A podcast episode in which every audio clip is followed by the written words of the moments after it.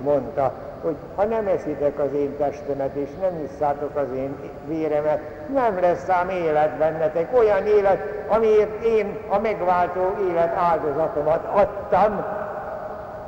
Tehát ő maga szólított föl bennünket, ne tévesszük meg. A szent áldozás nem a mi csodálatos életszentségünknek egy prémiumja, nem jutalom a Jóistentől, hanem a Jóistennek egy végtelen kegyelme, ami engem arra visz, hogy a gyarlóságaimból is legyek ténylegesen szeretett gyermekei a mindenható mennyei atyának. A szent áldozással kapcsolatban még néhány apróságot hadd szabadjon megemlítenem. Itt kell azt leszögezni, hogy a kegyelem állapotában lehet szent áldozáshoz járulni. De biztonság kedvéért én azt szoktam mindig ajánlani, amikor kijövünk az oltárhoz, akár csak egy szóval, vagy egy gondolattal, bocsáss meg Jézusom, egy, egy bánatot fölindítani magunkba, az mindenképpen jó, semmiképpen nem szeretem azt, hogyha valaki jámborságból keresztet vett, kiveri az ember kezéből a, a csészét vagy a ciboriumot, semmi értelme nincs a szentáldozás előtt a keresztvetésnek, és a szentáldozás után a keresztvetésnek, pláne a szentáldozás után a térthajtásnak, amikor bennem van a megváltó Isten. Hát akkor mit hajtok térdet? Hát bennem van, előttem hajthatnának térdet az emberek, de itt nem logikus sem a keresztvetés, sem a térthajtás. Próbáljuk ezt, mindig tapasztalja az ember, hogy egyesek egy kicsit különzködnek, biztos, hogy buzgóságból, biztos, hogy ájtatosságból, de nem logikus. Tehát a szent áldozásnál nem kell keresztet vetni se előtte, se utána, és nem hajtunk térdet utána az oltári szentséget a szívünkbe hordozva. Még egy következő apróságot említsünk, hogy a testi előkészülettel hogy állunk a szent áldozással kapcsolatban. Tudjuk nagyon jól, hogy a, mi, a legidősebbeknek a gyerekkorában még bizony éjféltől kezdve volt az úgynevezett szentségi bőt. A jelenlegi szabály az, hogy a Szent Mise első mondatától visszaszámított egy óra, bizonyos esetekben, hogyha valamiképpen megszorultam, akkor még úgy is számíthatom, hogy az áldozás idejétől visszaszámított egy óra alatt semmiféle ételt, semmiféle italt nem fogyaszthatunk. Vizet nyugodtan ihatunk, orvosságot nyugodtan bevehetünk. Hogyha az orvosságot egy kekszel kell bevenni, vagy egy kocka cukorral kell bevenni, nyugodtan megtehetjük, az nem töri meg a egy órás szentséget. Hozzá kell tennem azonban, hogy ez csak egy szabály. Tehát tulajdonképpen ez nem bűn. Én ott a hátul szoktam gyóntatni, és a 12-es misére, hogyha valaki, nem tudom én, 30-40 percet késik, aztán bejön a gyóntatószékembe, és meggyónja, hogy elkéstem egy picit a Szent, Szent miséről, hát mondom, az rendben van, de hogyha ezt, ezt helytelennek tartja, megbánja, akkor én azt föl tudom oldozni. Akkor én már mehetek áldozni? Hát ugye világos, hogy lelkileg alkalmas rá. Kérdés az, hogy mikor reggelizek. Hát az mondja most, amikor elindultam. Hát mondom, gazdag rétről vagy honnét indult, nem a villányi útról. Hát akkor könyörgöm, azt nem tudom feloldozni, ez nem bűn, ugye, hogy előtte jött, de ezt nem szabad megcsinálni, azt az egy órát már megkurtítani, azt nem lehet. Múltkorában is volt valaki, aki a körülbelül 10 perc maradt a szentmiséből, úgy jött be a 12-es szentmisére egy óra után jóval, és kitipálta a vasárnapi szentmisét, a szentgyónást, a szentáldozást, mindent 10 perc alatt. Ez nem komoly, nem igazi, nem helyes dolog. Na most itt vagyunk már akkor azon, annál a kérdésnél, amit hát nem szabad elfelejteni, a késésnek a kérdése. Itt még mindig vannak olyan gondolatok, hát persze azok, akik 5 évvel ezelőtt, vagy 10 évvel ezelőtt, vagy 50 évvel ezelőtt gyóntak utoljára, akik hát azt mondták, hogy igen, ott voltam a Szent Misén, nem már fölajánláskor ott voltam.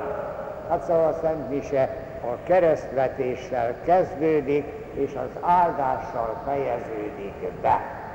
A Szent Mise, az pláne, mikor így mondják, hogy érvényes misén volt, volt mert már az, a felajánlásnál ott voltam. Hát a Szent Mise az mindig érvényes. Hogy nekem lelkiismeretben vétkes-e, vagy nem vétkes, azt abból tudom meg, hogy tisztességesen a Szent elején ott kell lennem, és egészen a Szent Áldozásnál sem szaladhatok ki, mert az utolsó áldás az is hozzá tartozik a Szent Miséhez.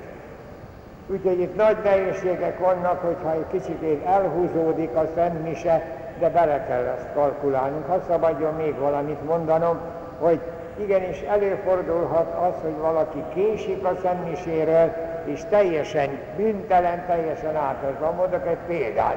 Belvárosba például kocsival viszi a családját a Szentmisére, odaérnek 5 perccel vagy 3 perccel a Szentmise kezdete előtt, a család bemegy a templomba, ő pedig megpróbál valahol parkolni. Hát ott a belvárosban nem olyan egyszerű parkolni, tekerek, tekerek, aztán mire beér, mire valahol a parkolni tud jó messze, és gyalog bekutyagol a templomba, hát addigra már prédikálnak. Tehát biztos, hogy ez az ő számára nem mulasztás, az ő számára nem lesz vétek, csak hogy ha ez rendszeresen minden vasárnap így van, akkor már az a tisztességes dolog, hogy belekalkulálom ezt a nehézséget, és egy tíz perccel előbb indulok el a kocsimmal és a családommal. Ugye érzik ezt, de nagyon sokszor előfordul például, hogy estére szeretnénk a templomba menni, és közben hát meglátogatnak az unokák, és hát akkor az unokákat traktálni kell, ez virágos, akkor fütyülünk az Isten, akkor már nincs Isten, mert hát ugye a gyerekeknek kell, az unokáknak kell a lakomát vezet. Ahelyett azt mondanánk, hogy gyerekeim, én még máma nem voltam a Szentmisét, menjünk el a Szentmisére, aztán utána lesz majd a nagy lakoma. Szóval itt komolyan kell a lelkiismeretünkkel foglalkozni, hogy a Szent az olyan óriási kincs, amit nem lehet elmaradmulasztani, de nem lehet megcsonkítani sem.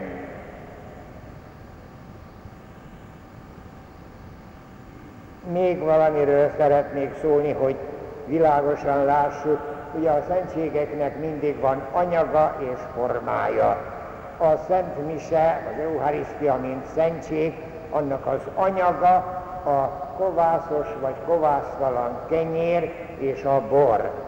Hát nálunk ugye a kovásztalan az ostya tulajdonképpen görögkatolikus testvéreink ugye kenyérdarabkákkal áldoznak, és ők két szín alatt áldoznak általában a szent vért is, magukhoz veszik, az bor itt megint egy tévedésről kell említést tennem. Szokták mondani, ez olyan jó bor, ez misebor. Hát a misebor az nem a bornak a jóságát jelenti, hanem a tisztaságát. Szóval nem lehet manipulált szőlőtermét, pláne nem, amit, hát nem tudom én, hát kelesztett cukorból vagy kiből készült bor, valamikor nagyon divatos volt mesterségesen produkálni, tehát szőlőből készült tiszta bornak kell lennie, akármilyen savanyú az nem számít, de nem szabad még tartósítónak sem benne lennie. Minden egyházmegyének van ilyen mondjuk megállapodása, megbízható emberekkel, hivatalosan kapjuk a misebort, úgyhogy az ostya meg, hát ugye az világos, hogy vizából van, most nagyon-nagyon, ha szabadjon megmondanom, hogy látják azt, hogy én mennyire ügyetlenkedem az áldoztatásnál. Higgyék el, a kezem az nagyon nyomorék, az annyira megfázik ott az oltárnál, hogy egyszerűen az összeragadt kis ostákat alig tudom széjjel venni. Nagyon iparkodom, de ne haragudjanak rám, hogyha ügyetlenül áldoztatok. Ez szintén beletartozik abba, hogy nekünk hát ilyen lehetőségünk van.